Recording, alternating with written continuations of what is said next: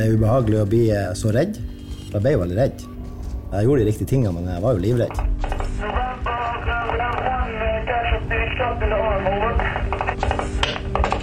This is India November 11 Charlie. Copied. One shot in the arm over. Satan. Dette er historien om da Ronny ble skutt. Eh, Så jeg blir slått ned.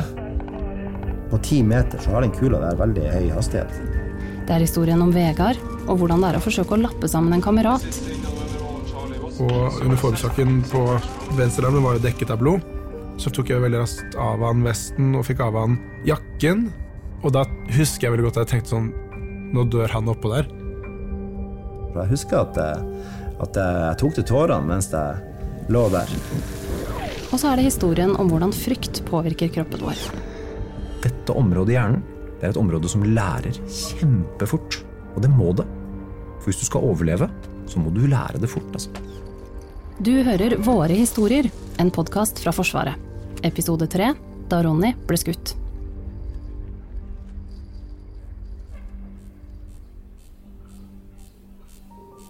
Det du hører nå, er lyden av en mann som kjører strøm gjennom brystkassa. Og da fikk jeg dette apparatet her. Apparatet er- ligger i en sånn boks som er 25 ganger 25 ganger 25 cm. Og så er det et eh, lite, lite apparat som ser ut som en mobiltelefon. Dette er Ronny Christoffersen, og han jobber i Sjøforsvaret. Kan jeg vise deg hvordan jeg gjør det? Nå tar han av seg T-skjorta. Eh, Her har dere jo skaden. Den kula gikk inn der og ut her. Ut fra den svarte boksen går det tynne ledninger som ender i noe som ser ut som små hvite plastelapper. Ronny plasserer de hvite lappene, elektrodene, på brystet og rundt deler av skuldra. Og hvis du hører godt etter, så kan du høre hvordan de små plasterlappene gir korte støt av strøm inn mot huden og musklene. Så gjør sånn at det bedøver nervebanene mine. Så jeg slipper å spise så djevelsk med Paragon Forte og sånn. Ute i gangen, litt gjemt bort mellom barnejakker og sherrockstøvler, henger diplomen, den som han fikk av kongen. Et par ganger i uka bruker Ronny det såkalte TENS-apparatet. Å bruke apparatet kjennes litt ut som å ta på et strømgjerde, som gir deg støt hvert tredje sekund. Det er tolv år siden han ble skutt. Så da har jeg på en måte fått ordentlig med sirkulasjon og litt sånn bedøving. Nok til at når jeg går og legger meg, så kjenner jeg ikke noe smerte, og jeg sovner greit. Da han ble skutt, på ti meters hold, fikk han kjenne på hvilke krefter det er som settes i gang i kroppen idet du er usikker på om du vil overleve eller ikke. Det er ubehagelig å bli eh, så redd. Jeg ble veldig redd. Eh, Jeg gjorde de riktige tingene, men jeg var jo livredd. Afghanistan 2007. Så det er som å dra ut på et eventyr der du ikke vet eh, helt på hvordan det er der ute. Når Ronny reiser til Afghanistan, er han 33 år gammel. Han er gift og har fire barn. Den yngste er ei jente på tre år. Guttene er blitt åtte og ni år gamle, og hun som er eldst, er tolv år.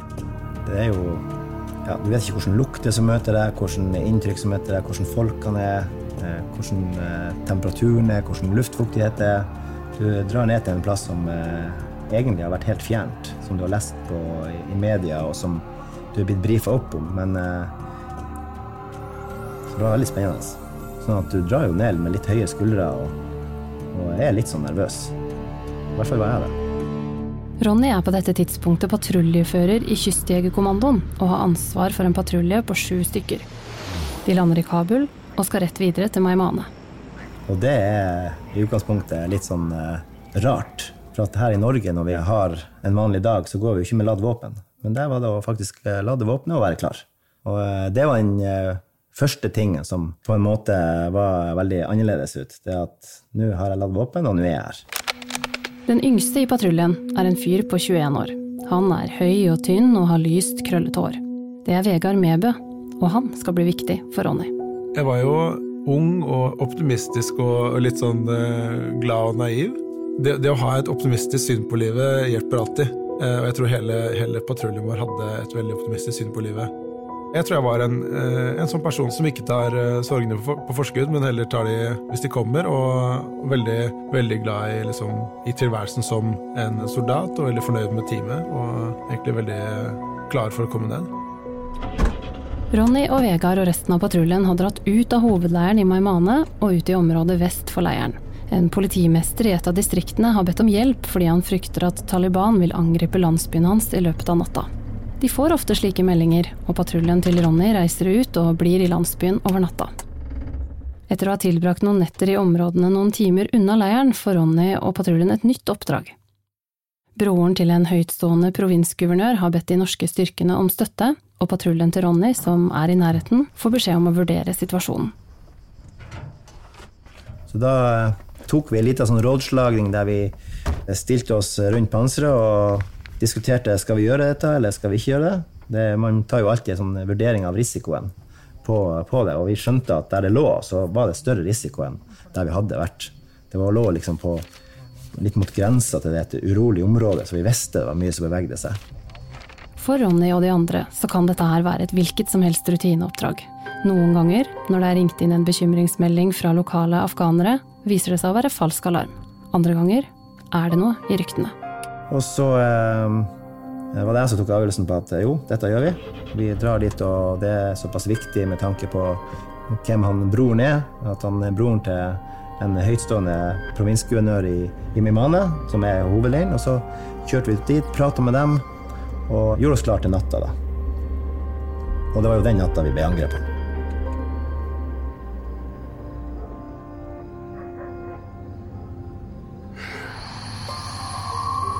Hva er frykt? Frykt er jo en uh, først og fremst en veldig fysisk opplevelse, men også en, en, en mental uh, opplevelse, eller en følelsesmessig opplevelse. Dette er Erik Salvador. Og det følelsesmessige det kanskje har mer å si etterpå, sånn i fortolkningen av hva som egentlig har skjedd. Når man har vært redd. For når man først er redd, da reagerer kroppen helt sånn på autopilot. Han er psykiater i Forsvarets sanitet, både hjernen og kroppen kobler av. Da pensler på en måte kroppen over. Og hjernen over fra et spor hvor du er med og har kontroll, til at du bare på en måte er med på noe. Det er utrolig mange krefter som settes i gang i kroppen din idet du tror at du skal dø. Du har sikkert hørt om adrenalin, og kanskje også om freeze, flight eller fight. Men det er bare en liten del av maskineriet. Synet ditt endrer seg. Tunnelsyn har du kanskje hørt om, men visste du at det også er ganske vanlig å miste dybdesynet og skarpsynet? Det vil si at du kan få problemer med å bedømme avstand, eller at du vil slite med å fokusere på ting som er veldig nærme. Andre beskriver korte øyeblikk, glimt, hvor alt blir ekstremt tydelig, sånn som støvfnugg på et gulv eller hakkene i et glasskår. Mennesker som har vært utsatt for denne disse, altså, type frykt, ekstreme fryktopplevelser, vil du kunne beskrive etterpå at de fikk med seg helt uendelig mange detaljer. Hørselen din endrer seg. Kanskje vil du høre noen lyder ekstremt godt, mens andre lyder er langt borte. Det er ikke sikkert at du hører din egen stemme, selv om du roper av full hals. Amerikanske soldater har beskrevet hvordan en eksplosjon har gått av like ved dem, og hvordan de verken hørte smellet eller fikk ringing i ørene etterpå. Forskerne kaller det auditory exclusion, kroppens eget hørselvern. I løpet av et millidels sekund skrus hørselen helt av. Syn og hørsel blir altså så påvirka at hvis du skal gi en beskjed til en person som er veldig redd, så kan det være lurt å flytte seg godt inn i synsfeltet deres, og kanskje også til og med rope. Selv da er det ikke sikkert at de får med seg beskjeden. Og så endrer tiden seg. Kan få en distinkt opplevelse av at tiden sakner veldig. Tiden sakner jo ikke. Tiden er ganske konstant men det er din opplevelse av det som sakner. Fordi at du blir sånn hyperalert altså, du begynner å ta inn alt som er rundt deg, mye, mye mer. Så er det blodet, hjertet ditt og musklene. Du har kanskje hørt uttrykket 'hvit av skrekk' eller 'hvit som et laken'. Det er bokstavelig ment. Når kroppen gjør seg klar til å overleve, trekker den blodet vekk fra huden og overflaten av kroppen. Og det er smart, for da blør du mindre hvis du blir bitt eller kutta. Sånn sett fungerer kroppen som sin egen rustning. Så lenge ingen arterier blir truffet, kan du tåle vanvittig mye juling. Eh, ofte kan responsen være at man tømmer tarmen. Eh, man tømmer blæra. Det er ikke noe poeng å ha masse ting, eh, ekstra ting liggende der hvis du skal ut og løpe eller slåss. Og det er helt ufrivillig. altså. Det er ting som bare skjer ufrivillig. Du tisser på deg eller gjør i buksa. Den amerikanske psykologiprofessoren Dave Grossman skriver at når Vietnam-veteranene kom hjem og brukte uttrykk som 'scared speechless' eller 'scared shitless', ja, så mente de det, helt bokstavelig. Fordi blodet ditt nå pumpes rundt i kroppen på en måte som gjør den til en rustning, så mister du noe annet finmotorikken. Å skru små skruer, Å tegne eller tre tråd i en nål er ikke nødvendig for å overleve. Det betyr at enkle ting som å taste et telefonnummer, f.eks. et nødnummer, kan være vanskelig. Det samme gjelder å snakke, for stemmebåndet ditt er et finstemt instrument og sårbart for stress. Alle disse fysiske reaksjonene har du med deg inn i en ekstrem situasjon. Så når man virkelig skvetter eller virkelig blir redd, så kobler disse tingene inn. Og, og, her tenker jeg også det er utrolig viktig å være klar over at kroppen vår og hjernen vår er jo ikke laget for um, moderne verden og teknologien vi holder på med i dag. Det er ikke det. Den er 35 000 år gammel og er laget for en helt annen verden enn den vi lever i nå i dag. Og for 35 000 år siden så var det freeze, flight eller fight som gjaldt. Og du og jeg og alle rundt oss er etterkommere av de som holdt seg unna de raslende buskene og som flykta vekk fra fare. Så fight, det er siste utvei. Det er point of no return. Det er når det ikke er noen andre muligheter igjen.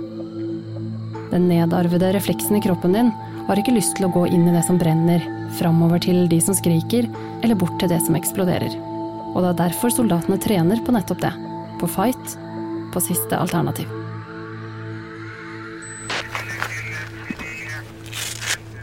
Ronny og Vegard og resten av patruljen har kommet fram til landsbyen de skal holde vakt i. De setter opp feltsengene og ruller ut soveposen. Underveis skjer det sånne småting som de ler av. Hør på Vegard her, eksempel. Det morsomme var jo at vi hadde vært i Afghanistan i tre måneder eller noe sånt. Og vi hadde lært Ronny godt å kjenne, og han var ikke måte redd for så mange ting, men han var, han var på en måte redd for, for to ting. da. Han var redd for edderkopper, og han var redd for hunder. Og så, idet det var blitt mørkt, så kommer det en sånn svær camel spider, som er en sånn stor edderkopp som, som ser Jeg tror ikke den er giftig, men den ser veldig eh, svær og brutal. Som Ronny klarte å oppdage, selv om det var bekmørkt. altså Når det først blir mørkt, så blir det ordentlig mørkt. Eh, han så den uten nattoptikk og tok en spade og slo til den edderkoppen. Eh, så der møtte han på en måte en av sine nemesiser.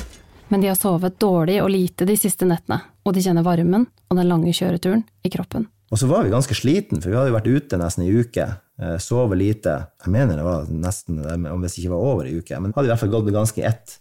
De vet det ikke ennå, men denne natta skal de få kjenne på hvordan reptilhjernen reagerer.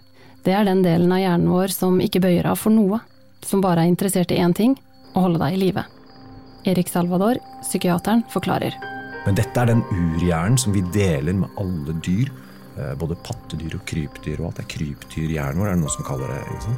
Lizard brain, sier de på engelsk. Der ligger sånne ting som regulerer bare at man ikke behøver å tenke på at man puster. Fordi at hjertet slår automatisk.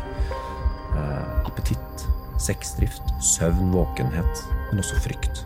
Krypdyrhjernen er verdens beste student. Dette området i hjernen det er et område som lærer kjempefort. Og det må det. For hvis du skal overleve, så må du lære det fort. Altså.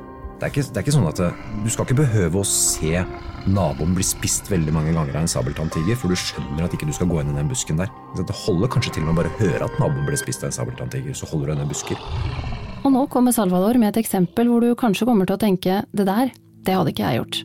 Hvis det var meg, så ville jeg reagert annerledes. Jeg har en, en venn som er eh, en stor og sterk fyr. altså Han eh, driver med ekstreme sport og Norseman og crossfit og alt som du kan på en måte eh, drive med hvis du er glad i testosteron og adrenalin. eh, Og identifiserer seg jo veldig med det. Og så var han ute med kona si og trillet i eh, Nordmarka med deres nyfødte datter i vognen.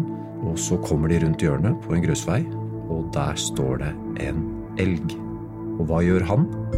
Han vet ikke helt hva han gjør, fordi han kommer til seg selv sånn ca. 100 meter ned i grusveien og oppdager at han har søren meg lagt på sprang. Han har rett og slett bare løpt fra stedet uten å tenke seg om. Så det går 100 meter ned i bakken før han skjønner hva som skjer, og da klarer han å summe seg. Da kobler på en måte hjernen hans på igjen. Og så tenker han første tanken er å dæven, hva har jeg gjort nå? Så han løper jo nesten sannsynligvis fortere tilbake. ikke sant? Og der står kona hans med barnevognen. og Elgen er jo forduftet, for de er jo like redd for han som han var for den. Der står kona og ser på han og tenker hva var dette her for noe? Hva i all verden, jeg kan jo ikke stole på det. Så han får jo da et problem, for dette strider jo helt mot hvem han trodde han var. Han har reagert på en måte han ikke trodde han kom til å reagere, og for hans del så er det jo liksom veldig eh, på tvers av hvem han identifiserte seg selv som. Så han får et forklaringsproblem for kona, og han får et selvtillitsproblem. Det jeg forsøkte å si da, var at eh, det som har skjedd nå, det blir litt som å sitte på Skavlan og spørre en professor om hvorfor en, en sånn engelsk fotballhooligan gjorde noe i fylla på en fotballkamp. Det er to forskjellige personer her, rett og slett. Det som skjedde der, det var hjernen din som koblet inn i overlevelsesmodus. Den så noe, og så fikk den deg til å gjøre noe uten at det var en bevisst tanke rundt det. Det er det vi kaller for sånn, det er en fight, flight, freeze-respons. Det er helt automatiske reaksjoner som kroppen tar seg helt på egen hånd uten at du skal behøve å tenke i det hele tatt. For å tenke tar tid. For han som løp fra elgen, så var jo det store spørsmålet hva med barnet mitt? Fins det ikke instinkter i meg som gjør at jeg blir, for å beskytte barnet? Hvis du hadde spurt hjernen din om det etterpå, så ville den sannsynligvis svart at ja, men hvis du dør, så kan du ikke få flere barn. Hvis du overlever, så kan du alltids få flere barn. Altså. Så hjernen sikrer din overlevelse. Hva kan du gjøre med dette? Er man da en helt sånn fullstendig slave til sine egne automatiske fryktreaksjoner? Ja og nei. Hvis jeg hadde spola tilbake igjen, så skulle jeg gjort en rekke ting annerledes. Ronny forteller. Når vi sto og diskuterte om vi skulle dra dit eller ikke, så skulle jeg sagt at vi ikke skulle dra dit. Vi skulle ta en annen avgjørelse. Vi visste at det var en, en risiko, men vi tenkte at den risikoen var som de foregående nettene, at det var på en måte litt ulv-ulv. Så den avgjørelsen skal jeg ikke ta. Det er en liten landsby patruljen til Ronny nå skal holde vakt i. De har beveget seg ca. ti timers kjøring fra hovedleiren, og landsbyen ligger tett opp til et område hvor det har vært litt uroligheter. Landsbyen ligger litt vanskelig til i terrenget. Det vil si at den ligger på nedsiden av en liten høyde, og imellom høyden og landsbyen er det et lite utspring, en liten brink som stikker ut. Det gjør at du ikke ser hele landsbyen fra toppen av høyden. Dermed må Ronny og laget velge. Skal de legge seg på brinken slik at de ser hele landsbyen, eller skal de legge seg på toppen av høyden, hvor de ikke ser hele byen, men hvor de har best oversikt ned på den andre siden av dalen? Jeg skulle også, eh, når vi valgte å legge oss i framskråning på den brinken, så skulle jeg tenkt at uh, vi legger oss på den øverste høyden, selv om vi ikke ser hele byen. Så jeg ville lagt oss på den øverste høyden, akseptert at vi ikke så hele landsbyen, for da hadde vi hatt mye større kontroll. Men Ronny tar det valget. De legger seg på brinken, og så kan de heller gå vaktrunder på toppen av høyden. Og siden de er slitne og har sovet lite, bestemmer Ronny at det bare skal være én person som går vakt av gangen. Eh, skulle jeg ha gjort det på nytt, så hadde det gått to på vakt. Én kunne vært på høyden hele tida, og én vært der nede, eh, på brinken. Så det er masse ting man eh, reflekterer om etterpå. Så at det skulle jeg gjort annerledes. Men det er jo for seint. Og det er jo det som går på lederskap. Det er å ta de avgjørelsene, stå i det. Og så er det av og til at det var ikke det riktige. Det må man jo også leve med, og det lever jo jeg med hver dag. Hvordan kroppen din reagerer i en livstruende situasjon, er satt sammen av mange forskjellige faktorer. Tidligere erfaringer har noe å si. Har du vært i livsfare før, og hvordan mestra du den situasjonen? Syns du at du gjorde det bra eller dårlig? Gener og arv, hvordan du er skrudd sammen, temperament og personlighet, hva som er default-innstillinga di. Tenk på barneskoleklassen din. Du husker hvem som var pitbull, og hvem som var golden retriever så er det de bitte små tingene hjernen din plukker opp i selve situasjonen. En lukt, en lyd eller en rask bevegelse. Inn i denne miksen kan du legge til militær trening og drill. Og drill, det er noe helt annet enn trening.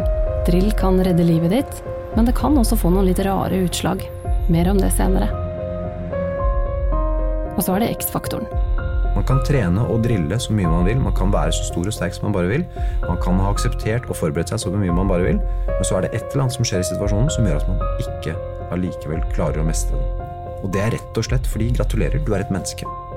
Det er en X-faktor her. Det er noe som ikke Vi verdilegger det ikke. Det betyr ikke at du er en dårlig soldat, det betyr ikke at du er et dårlig menneske, men av og til så blir det sånn. Helt uten at man vet også nødvendigvis. Det er blitt natt og ordentlig mørkt når Ronny får en dult i skuldra av Kjell og beskjed om at det er hans tur til å gå vakt. Ronny ruller seg ut av feltsenga og snører på seg støvlene. Når det først blir mørkt på landsbygda i Afghanistan, da blir det skikkelig mørkt. Landsbyen de holder vakt over, har ingen elektrisitet, men det er fullmåne denne natta, og det gir en god del lys. Ronny tar på seg skuddsikker vest og hjelm. Han kjenner at pistolen sitter i hylsteret på hofta, og så trer han rifla over skuldra slik at den henger fra en bærereim på tvers av brystet. Det her er en natt hvor de bitte små detaljene kommer til å ha mye å si.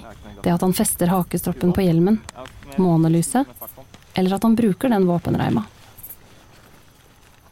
På hjelmen har han festet nattoptikken sin. Nattoptikk ser ut som en liten kikkert som du har foran øynene, og gjør at du kan se alt rundt deg, selv om det er mørkt. Men det er en stor forskjell. Gjennom nattoptikk ser du alt i ulike nyanser av lysegrønt. Så når Vegard og Ronny tenker tilbake på denne natta, så er alt i farger av lysegrønt. Og så overtok jeg sånn halv tolv på kvelden. Det går en time, og så går Ronny opp på høyden for å ta en streifrunde der, og for å få oversikt ned på den andre siden av dalen. Og plutselig, på ti meter, så står det tre stykker foran meg. Og så sier jeg dresj, som betyr stopp. De stopper opp, og så eh, Det neste som skjer, er at eh, de begynner å skyte. Mennene som skyter, bruker AK-47 eller såkalt kalasjnikov. Det er et våpen som gjør mye skade. Eh, Så jeg blir slått ned. På ti meter så har den kula der veldig høy hastighet. Ronny blir truffet i skuldra.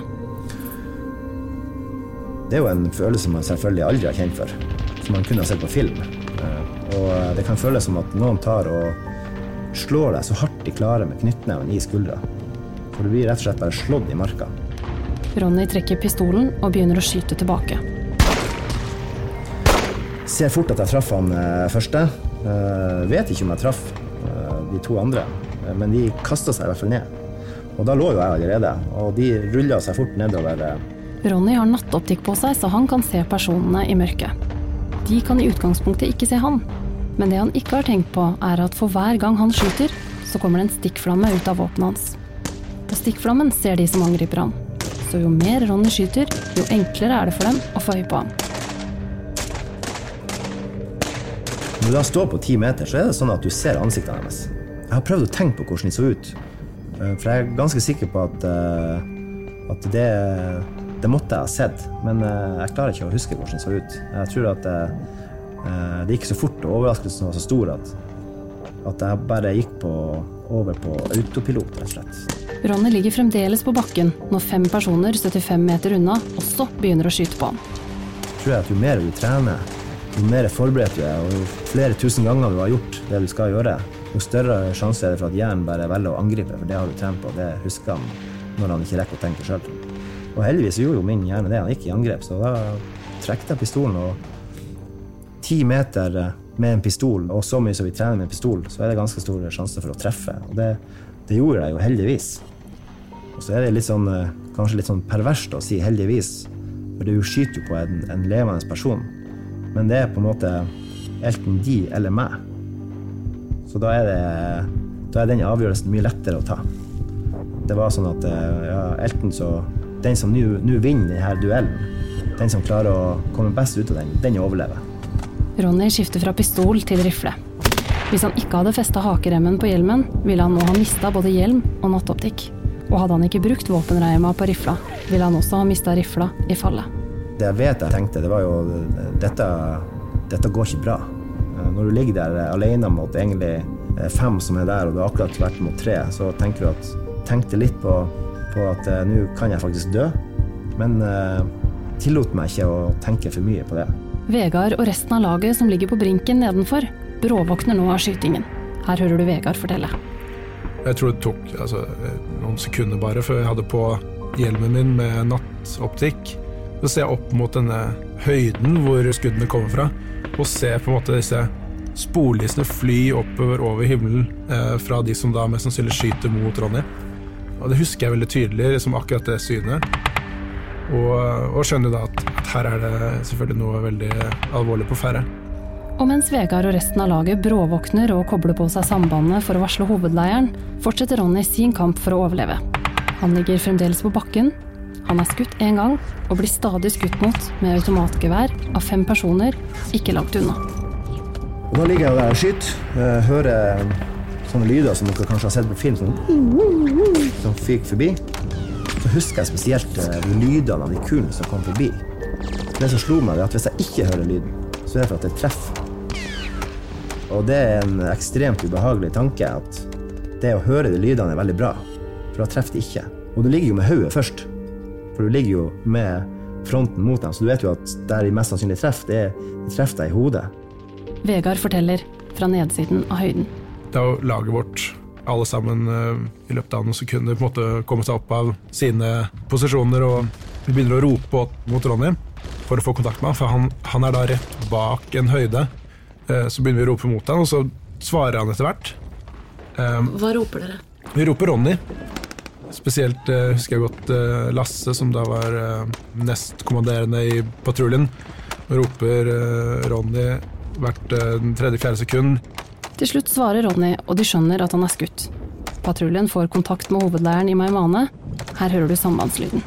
November, November 1, casualty shot in the arm, over. This is India November 11 Charlie. Copied. One shot in the arm. Over. Satan. Da begynner jeg å stresse litt, for eh, det ene er jo at jeg skjønte jo at jeg var blitt skutt. Og eh, jeg syns ikke jeg hadde så vondt som jeg tenkte at det skulle være. Eh, og da ble jeg litt stressa på hvorfor jeg ikke hadde det. Og så merka jeg at eh, det jeg hadde trent på tusenvis av ganger med som, å bytte magasin når det er tomt, det gikk ikke sånn som jeg har trent på. For det kan man gjøre i blinde. Jeg bomma på magasinbyttene. Og jeg visste jo jeg var skutt, så jeg skjønte jo at her er det noe som er skjedd med, med skuldre og med armer som gjør sånn at jeg ikke klarer det her. This is India November 11 Charlie. What is your assessment of the situation? Og så merka jeg jo at jeg blødde mye. Måten jeg merka det på, var jo at jeg tok på sida, og det var det, da merka jeg at det var på en måte glatt. Og... Men jeg brukte ikke så mye tid på det, for jeg hadde jo de som lå shade på meg. Ronny skjønner at han ikke kan bli liggende lenger, og at han må forsøke å komme seg tilbake til laget. Så jeg gjør det som vi har trent på titusenvis av ganger. Jeg gir ei skikkelig ildbyge, skyter masse på dem, røyser meg opp, springer tilbake fem meter og kaster meg ned for å finne en ny stilling. Å drille vil si å gjøre en bestemt handling så mange ganger at det blir en automatisk reaksjon. Du kan gjøre den utenom å tenke. Og når du driller på noe mange nok ganger, omprogrammerer du krypdyrhjernen din. Litt enkelt fortalt vil det si at det du driller på, det er det som kommer ut i andre enden, uansett hvordan situasjonen ser ut. Hvis du f.eks. driller på å si 'slipp pistolen', så er det stor sjanse for at du vil si 'slipp pistolen', selv om personen har en kniv i hånda. Et annet eksempel er en amerikansk politibetjent som drilla på å snappe et våpen lynraskt ut av hånda på en person. Han drilla masse, både med kona og med kamerater, om igjen og om igjen. Og for hver gang han greide å snappe våpenet ut av hånda på kona eller kameraten, så ga han det tilbake og forsøkte en gang til. Så kom han faktisk i en situasjon hvor en raner trua han med et våpen, og politibetjenten snappa lynraskt våpenet ut av hendene til raneren, akkurat slik som han hadde drilla på. Problemet var bare at han også ga våpenet tilbake, sånn som han hadde drillet på. En lignende reaksjon er det nå som skjer med Ronny. Det som er litt artig, det er jo at eh, du har trent på det så mange ganger, men du trener jo aldri på det alene. Du har jo alltid med deg et lag. Og da er det sånn at du roper tilbake, tilbake, tilbake, for at du sier fra til laget at du trekker tilbake. Det, det ropte jeg alene.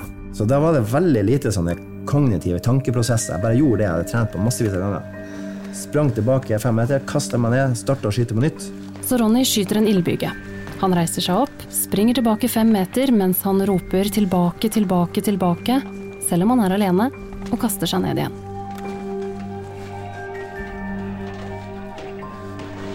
Ronny har nå kommet over toppen av høyden og er på vei nedover, sånn at Vegard og resten av laget kan se ham. Det Vegard ser gjennom nattoptikken er en lysegrønn soldat som kommer småløpende mot dem, med en arm som slenger litt. For Ronny ser det slik ut. Og når du har på deg nattoptikken, så mister du litt dybdesynet, så det som er rett foran beina dine, det ser du veldig dårlig, men du ser, ser liksom framover. Ti meter framover. Og så ser vi han kommer sånn cirka midt på den høyden, og så faller han ned. Og da husker jeg veldig godt at jeg tenkte sånn Da tenkte jeg at sånn, nå, nå dør han oppå der. Eh, for det så, liksom, ut som han liksom gikk rett i bakken og, og falt ned. Men det er jo selvfølgelig eh, Idet man virkelig frykter for at noen på patruljen skal, skal dø, så er det Da kicker følelsen inn. Veldig. Eh, og det Den husker jeg veldig tydelig. Jeg vet ikke hvordan man best beskriver det, men det er bare en, en veldig dyp og oppriktig eh, frykt eller bekymring eller redsel for at nå dør han der oppe, eller nå er den skaden så alvorlig at han mest sannsynlig ikke kommer til å overleve. Men for laget, som da så at jeg røyste meg opp, kom springende og plutselig bare datt ned som en potetsekk, de trodde jo at da var, jeg, da var jeg skutt på nytt. Så for dem så var det eh, veldig eh, ubehagelig. Men Ronny er ikke blitt skutt på nytt. Han har rett og slett bare ramla i en gammel skyttergrop fra sovjettida. Jeg kumla meg opp, reiste meg opp, eh, kom meg opp av den eh, gropa og sprang videre ned mot laget. På vesten har Ronny en IR-flasher. Det er en liten lykt som sender ut små blink av infrarødt lys. Infrarødt lys er usynlig for mennesker og dyr, men du kan se det gjennom nattoptikk. Så når Ronny kommer springende ned mot laget, så vet laget at det er Ronny som kommer, fordi de ser det infrarøde lyset på vesten hans. Ronny vet også at laget ser at det er han, pga. den lille røde blinkingen. Og Ronny stoler på laget sitt. Så derfor blir han ikke redd når laget begynner å skyte på hver side av han. Så idet vi ser han, så begynner vi egentlig å, å skyte på hver side, slik at ingen med vettet i behold finner på å, å komme etter han eh, inn i en sånn, eh, i en sånn eh, ildskur. Så vi gjør det mens han løper mot oss. Jeg husker når jeg kom springende ned, så var det en veldig lettelse faktisk å springe i et kuleregn som gikk motsatt vei. Det høres jo helt eh, sykt ut, egentlig, men når jeg husker at jeg kom springende ned og så sporlysene bare fikk eh, på sida av meg oppover, tenkte jeg nå, nå går det faktisk bra. Men det tenker ikke Vegard når han får se såret til Ronny. Jeg husker veldig godt når jeg tar av han hjelmen eh, og liksom ser han litt inn i ansiktet, så har han jo på en måte veldig um, Hva skal man si oppspilt. Eller altså litt sånn vidåpne øyne eh, og, og selvfølgelig preget av det som skjer. Det er litt tilfeldig at det er Vegard som tar imot Ronny når han kommer løpende. Vegard er yngst i patruljen, og det er egentlig ikke han som har mest medic-erfaring. Men alle på patruljen har nok førstehjelpstrening til å behandle en skuddskade. Så siden Ronny løper rett bort til Vegard, blir det Vegard, han som er 21 år og gunner i patruljen, som gjør førstehjelpen. Vegard er utrolig flink til å si de riktige tingene alltid. Han er en, en smarting. Så eh, jeg mener han på en måte prøvde å roe meg litt ned, for jeg var full av adrenalin. Ronny er såpass påskrudd at Vegard må legge han i bakken med makt. Deretter får han dratt Ronny med seg ned i en grop. Siden de fremdeles er under angrep, kan ikke Vegard bruke noe lys og må stole på det han ser gjennom nattoptikken. Og uniformsaken på venstrearmen var jo dekket av blod. Så fikk vi, tok jeg veldig raskt av han vesten og fikk av han jakken. Og jeg må vel ha Jeg kan ikke huske å ha gjort det, men jeg må vel ha tørket vekk noe av blodet fordi, for å liksom kunne se såret tydelig. Det skytes fortsatt rundt dem og mot dem. Og de er heller ikke sikre på hvor mange som skjuler seg bak høyden. Jeg husker på en måte følelsen For det var på en måte Det var to øyeblikk i løpet av øh, denne hele hendelsen hvor, hvor jeg gikk skikkelig i kjelleren følelsesmessig. Den, det første var når han falt på toppen, og det så ut som han, at han falt av, øh, av at han var- blitt skutt. Eh, og den andre var idet jeg ser på såret og, og tror og, og tror at øh, kulen har gått rett igjennom inn i brystkassen hans. Samtidig som Vegard tar seg av Ronny, går to fra patruljen oppover mot høyden for å hindre flere angrep. En annen sikrer i motsatt retning, og en siste er på samband med hovedleiren. Der får de beskjed om at det ikke er aktuelt å få luftstøtte. Det er heller ikke mulig å bli evakuert med helikopter. De er ti timers kjøretur unna hjelp. Mens jeg så på den skaden de første sekundene, så tenkte jeg den her har jo gått inn gjennom armen hans og liksom videre inn gjennom kroppen. Eh, Det så veldig ut som det var kun ett sår, og jeg fant ikke noe utgangssår. Og det, altså, med den treningen vi har fått, så, vi, så, så er det typisk et, eh, et verste scenario. Vegard tror nå at Ronny har store indre blødninger eller punkterte lunger. Og da, da er jeg veldig bekymret for han. Og, og egentlig, jeg tror den beste måten å beskrive følelsen at det var sånn en veldig grunnleggende frykt for at nå, eller bekymring for at nå, uansett hva vi gjør, vi ligger på en fjellhøyde, ti timers kjøring fra eh, vår base og måtte, flere timers flytur til nærmeste sykehus. Det her kommer ikke til å gå bra for han hvis, det, hvis dette er tilfellet. Da Ronny ramlet i gropa på toppen av høyden, kan det ha vært flere årsaker. Kanskje var det en kombinasjon av nedsatt finmotorikk og litt tunnelsyn? Eller det kan ha vært pga. nattoptikken, som gir litt dårligere dybdesyn. Det er det samme som skjer med Vegard når han nå ser såret til Ronny for første gang. De har øvd på skuddskader hundrevis av ganger hjemme i Harstad. Men de har aldri øvd på det slik som det ligger nå. Opp ned, halvveis under en busk, nede i ei grop. De har bestandig øvd på flatmark. De har øvd på å behandle skuddskader i dagslys eller med lykt, men ikke gjennom lysegrønt nattoptikklys som gir dårlig dybdesyn. Igjen, det du driller på, og bare akkurat det, er det som kommer ut i andre enden. Derfor så tar det også litt tid før Vegard skjønner at han må justere nattoptikken til å se klart nærme. Så stiller jeg litt på nattoptikken og ser at kulen har liksom gått inn på den ene siden av eh, overarmen og, ut igjen på den andre. Og det er sånn, altså alt, alt tatt i betraktning en, en veldig fin eh, skade. Så jeg husker at jeg ler til Ronny og sier at hvis jeg noen gang skal bli skutt, så skal jeg bli skutt sånn her, sa jeg.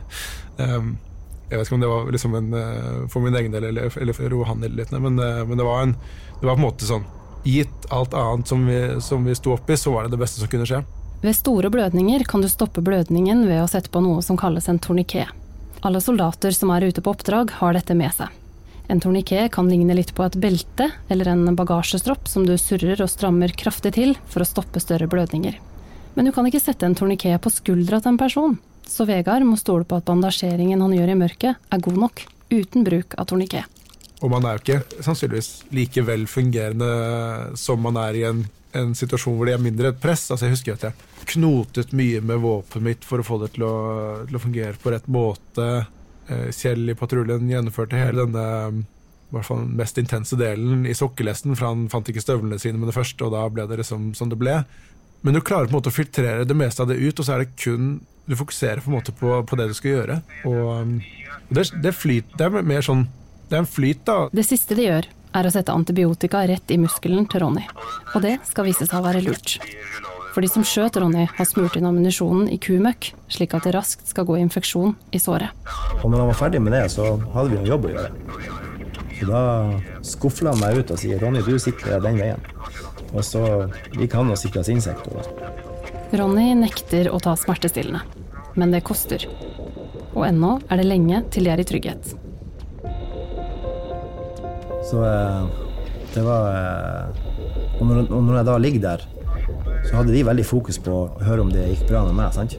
Eh, de har jo heller ingen erfaring med en på laget spist gutt. Så de spør hele tida Ronny går det bra, og jeg ja, det går bra. Og... Laget må ta et nytt valg. Skal de kjøre tilbake til leiren midt på natta for å få Ronny til sykehus? Eller skal de bli værende til det er lyst og mindre fare for bakholdsangrep?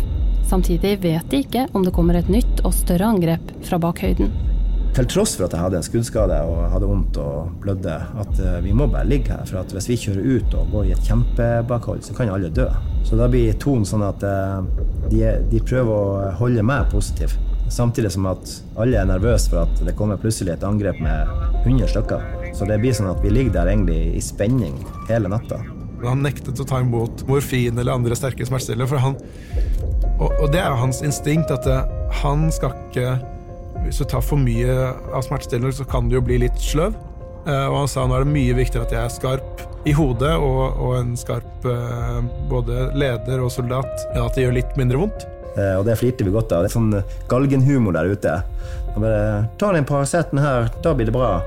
Og så med sunnskudd skulder. Og... Så det var litt festlig. Selv om de ler av det, så koster det litt å si nei til morfin. For det er først i disse timene at Ronny kommer ordentlig til seg selv igjen. Jeg gikk inn i ei lita sånn boble der eh, det er en eh, kamp med å gjøre jobben ute i stilling, med å eh, mestre smertene av en skuddskade og det å ha kontroll på følelsene sine. Det var en litt sånn tredelt kamp som jeg sjøl hadde. Så jeg hadde egentlig nok med å ha litt fokus på meg sjøl og, og gjøre den jobben som jeg som en del av de seks ble satt til å gjøre. De blir liggende her og stirrer ut i mørket i fem-seks timer den natta. Så da tenker du på familien, du tenker spesielt på ungene. At uh, det var så vidt at de var uten far. Uh, og det er tungt å tenke på der. Så jeg husker at jeg, tok til tårene mens jeg lå der og hadde min, uh, mitt område som jeg skulle sikre og observere om det kom fiende. Men, men vi støtta hverandre, og vi var der fortsatt, og vi var fortsatt i en trua situasjon. Så vi måtte på en måte holde litt fokus. Men jeg husker at jeg måtte jobbe mye med meg sjøl for å klare å, å, samle meg, både med tanke på følelsene av at eh, det kunne gått skikkelig galt, det at vi fortsatt var i en område der det kan gå galt. Så da lå vi jo der i fem-seks timer, og da fikk du tenkt mye. Og, og eh, ja, det var, det var, tøft. Det var det. Det begynte egentlig å gjøre ordentlig vondt eh, når jeg kom ut, når jeg var ferdig behandla, la meg ned, begynte å observere, altså se ut i terrenget og kikke etter om det kom noe annet, når jeg hadde tid til å begynne å, å kjenne etter. Det som ofte skjer i sånne ekstreme situasjoner med frykt og fare, det er jo at uh, kroppen også kobler ut de fysiske, uh, fysiske opplevelsene av smerte. Det er Et veldig vanlig fenomen som beskrives, er jo det at uh, det var først i etterkant at jeg kjente at det gjorde vondt. Og det kommer jo ofte da når adrenalinet begynner å ebbe ned og går ut. Da gjorde det jækels vondt lenge. Og den Paraceten hjalp ikke i hele tatt. Men det, det måtte man bare stå i. Under andre verdenskrig fant tyskerne ut at det var vanlig å få en såkalt backlash-reaksjon når faren var over. En av taktikkene de brukte, var derfor å la fienden ta den første linjen av stillinger, slik at de trodde at de hadde seira, og så, idet motstanderen senka skuldrene, da angrep de for fullt. Salvador forteller. For det som skjer med mennesker når de er veldig redde og veldig aktiverte, det øyeblikket faren på en måte er over, så kommer det en sånn backlash-reaksjon. Hvor du nærmest føler deg helt sånn tappet for energi. Da kollapser du omtrent. altså Da blir fokus helt borte. Og hvis du blir angrepet tilbake på det tidspunktet, da Det er en dårlig idé. Det er grålysning når laget ruller ned mot landsbyen. Ronny sitter i baksetet. Han har noen skrubbsår i ansiktet og sitter fortsatt i den i stykkerrevne uniformsjakka og med bandasje rundt skuldra. Likevel stopper de i landsbyen. Det tok vi faktisk tid til. Jeg brukte fem minutter der. Rett og slett for å vise de i landsbyen at eh, her er kommander Ronny, som de kalte meg for. Han eh, sitter bak i bilen, han er skutt, han blør, han har vondt. Eh, vi har vært her for dere. Og det, det hadde jo en enorm effekt eh, på landsbyen. Det hadde en, eh, veldig stor effekt veldig lenge etterpå. For da viste vi faktisk at vi var villige til å, å, å blø for dem, og vi var villige til å, å virkelig kjempe for deres sikkerhet. Det Ronny ikke vet, er at noen av bakteriene fra kula har overlevd antibiotikaen, og at en infeksjon allerede er i ferd med å spre seg i kroppen hans. I leiren har nyheten om at en norsk soldat er skutt, spredd seg, og sjefen til Ronny er redd for at familien hans skal få høre det av noen andre. Så da ringte jeg faktisk hjem eh, to-tre timer før vi var i sikkerhet. Hjemme i Harstad er klokka fire på natta. Kona til Ronny ligger og sover, og på rommene ved siden av ligger ei jente på tre år, to gutter på åtte og ni, og ei jente på tolv. Så når det da ringer, så, så hun kjenner jo ikke igjen nummeret, for det er en satellittelefon. Så hun tar telefonen, og så legger hun bare på. Så tenkte jeg ja, ja, da får jeg prøve å ringe på nytt. Så sier jeg hei, det er Ronny, og så sier hun vet du hva klokka er? Så jeg ja, jeg er klar over hva klokka er, men, eh, men alt er bare bra med guttene. For det var på en måte veldig viktig for meg at, at laget hadde det bra. Men jeg er skutt. Eh, Det var jo en veldig kjip samtale fra kona, som da eh, var hjemme. Jeg sa ingenting om at jeg var fortsatt eh, i utrygt område. Jeg sa til henne at, eh, at alt går bare bra, og jeg er skutt, og det her eh, ordner seg, og jeg, og jeg ringer deg seinere. Det var på en måte det jeg rakk å, å si. Man ønsker jo å ringe når man er kommet trygt til leiren, og gjerne at når du da ringer, så kan eh, kona få prate med legen, som også kan si det, at det er bra, for at hun kjenner meg så godt at eh, hvis jeg har vært døden nær, så har jeg fortsatt sagt at det var bra.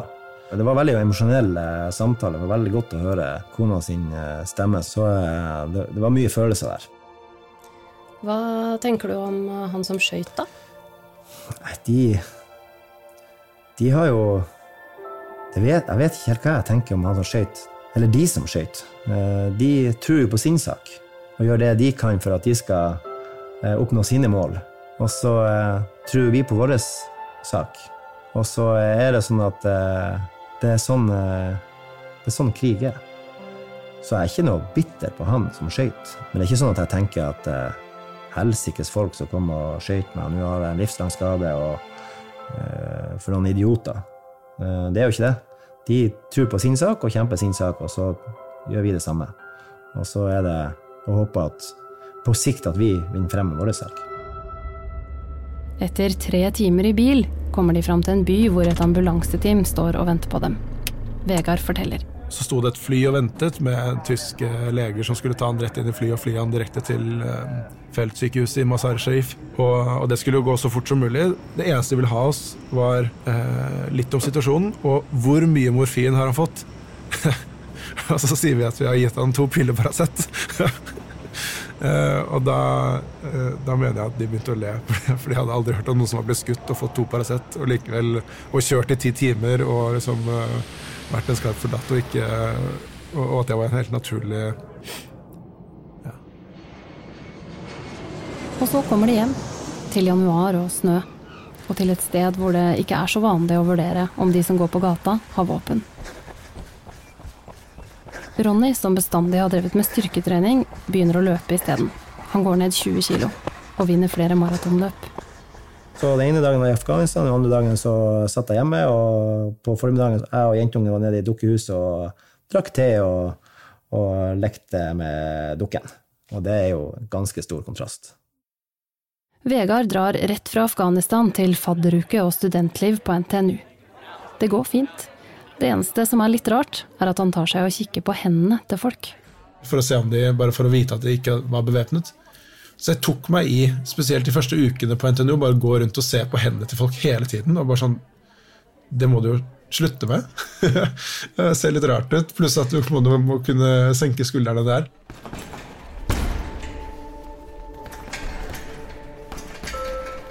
Han har en skuddskade i skuldra. Likevel velger han seg taekwondo som treningsform. Og så gjør han det fordi han får vondt andre steder enn i skuldra. For det gjør vondt tolv år etterpå. Det som overrasker meg mest, det er egentlig hvor stor skade et eh, tilsynelatende en liten skuddskade, hvor store ødeleggelser det kan gjøre, og hvor mye problemer man kan få av det i ettertid. Noen ganger er det ubehagelig å eh, gå tilbake dit, altså for jeg, jeg tenker jo Den hendelsen definerer meg jo som voksen person. Så eh, noen ganger så er det ubehagelig å, å vite at du har vært der. Det kan være ubehagelig å tenke vil dette påvirke meg? Hvor mye vil det påvirke meg? For det vet man jo egentlig ikke. Man vet jo egentlig ikke hvordan tenker jeg om dette om fem år. Vil jeg, vil jeg ha noen problemer da? Det er ikke garantert at man ikke har det.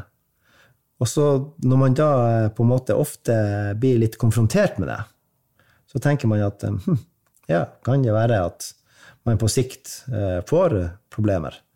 Så det kan være litt ubehagelig å tenke på. Men det er mest positivt. Jeg ville ikke vært hendelsen foruten som jeg bruker å si. Nei, ja, og Hvorfor sier du det? For det høres på en måte også litt rart ut. Fordi at hendelsen eh, lærte meg så mye.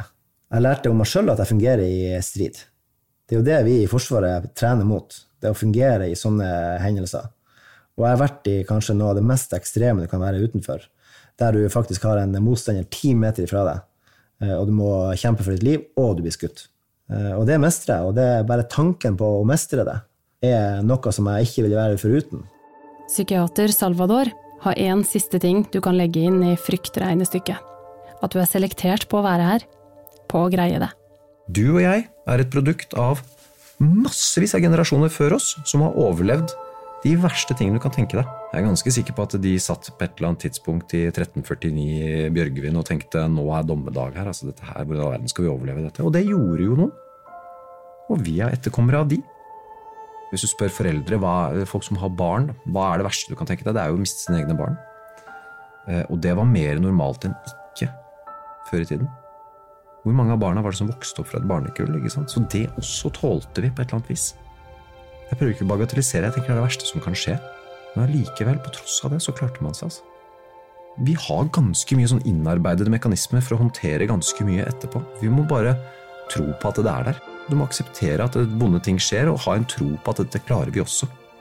Dette skal vi også overleve. Overlevde svartedauden. Overlevde farao. Overlevde Hitler. Og dette, kanskje vi skal overleve dette her også, rett og slett. Og så er det en veldig god følelse at selv om man er veldig redd og kjemper for sitt liv, at man fortsatt fungerer. Og det, og det gjorde jeg. Og det, det var bra.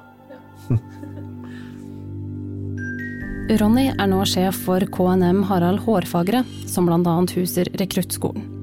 Han trener seks dager i uka. For hendelsen i Afghanistan ble Ronny dekorert med krigsmedaljen og medaljen for såret i strid. Vegard fullførte studiene ved NTNU og driver i dag sitt eget gründerselskap med base i Singapore.